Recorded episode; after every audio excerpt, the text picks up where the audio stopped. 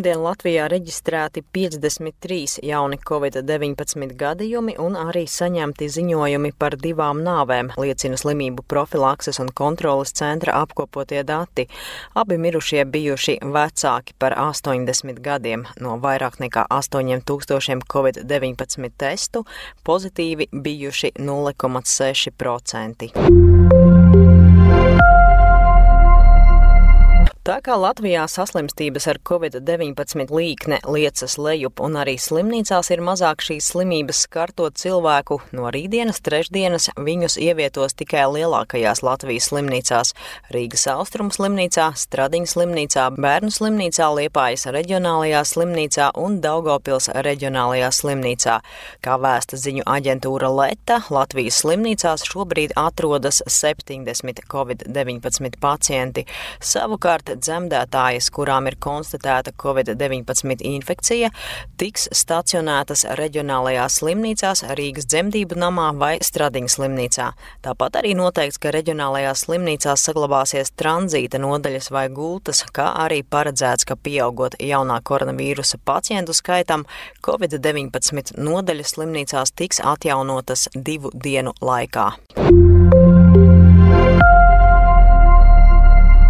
Eiropas zāļu aģentūras drošuma komiteja secinājusi, ka ļoti retos gadījumos pēc vakcinācijas pret covid-19 ar Pfizer BioNTech vakcīnu Comirnaty un Moderna, kas vēlāk pārsaukt par Spikevaks, var attīstīties miokardīts un perikardīts, informē zāļu valsts aģentūra. Tāpēc komiteja iesaka iekļaut abas šīs saslimšanas abu vakcīnu zāļu aprakstu blakņu sarakstā, kā arī pievienot brīdinājumu, lai informētu mediķus un cilvēkus, kas saņem šīs vakcīnas. Taču kas ir miokardīts un perikardīts? Abas tās ir sirds iekaisuma slimības. To simptomi var būt dažādi, taču bieži ietver elpas trūkumu, spēcīgus sirdspūkstus, kas var būt neregulāri, sirds pārsitienus un sāpes krūtīs. Drošuma komiteja veica padziļinātu analīzi par 145 miokardīta gadījumiem Eiropas ekonomikas zonas valstīs personām, kas saņēmušas komernatīvu vakcīnu, un par 19 gadījumiem personām, kas saņēmušas Moderna jeb Spikevaks. No tiem Latvijā identificēta identificēti četri miocardīta gadījumi pēc Comirnaty, bet viens pēc Spikevaks. Vēl arī zināms, ka drošuma komiteja izvērtēja ziņojums par 138 perikardīta gadījumiem pēc Comirnaty saņemšanas un 19 gadījumiem pēc Moderna, jeb Spikevaks. Latvijā savukārt zāļu valsts aģentūra nav saņēmusi atsevišķus blakus parādību ziņojumus par perikardīta gadījumiem. Tāpat arī zāļu valsts aģentūra uzsver, ka Latvijā nav apstiprināta neviena viena nāves gadījuma ticama cēloņa saistība ar vakcīnu pret covid-19. Drošuma komiteja secināja, ka miokardīta un perikardīta gadījumi tika novēroti lielākoties 14 dienu laikā pēc vakcinācijas, biežāk pēc otrās devas saņemšanas un gados jaunākiem vīriešiem. Pieci no Eiropas valstīs konstatētajiem gadījumiem beidzās letāli. Ziņojumi saņemti par personām, kuras bija gados vecākas vai ar blakus slimībām.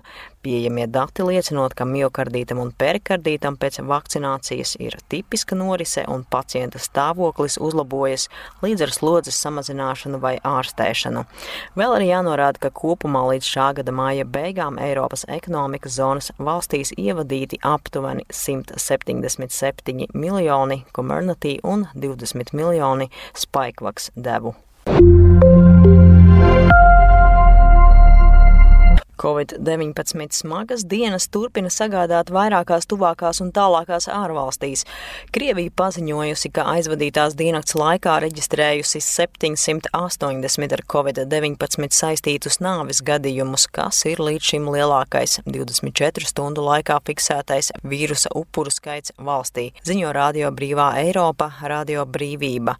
Krievija aizvadīto nedēļu laikā saskārusies ar būtisku jaunā koronavīrusa uzliesmojumu. Par Par iemeslu tam min Covid-19 delta varianta izplatību, kā arī nepietiekami efektīvo vakcinēšanas kampaņu. Covid-19 dienas ziņu apskatu sagatavoja Laura Dzērve, portāls Delfi.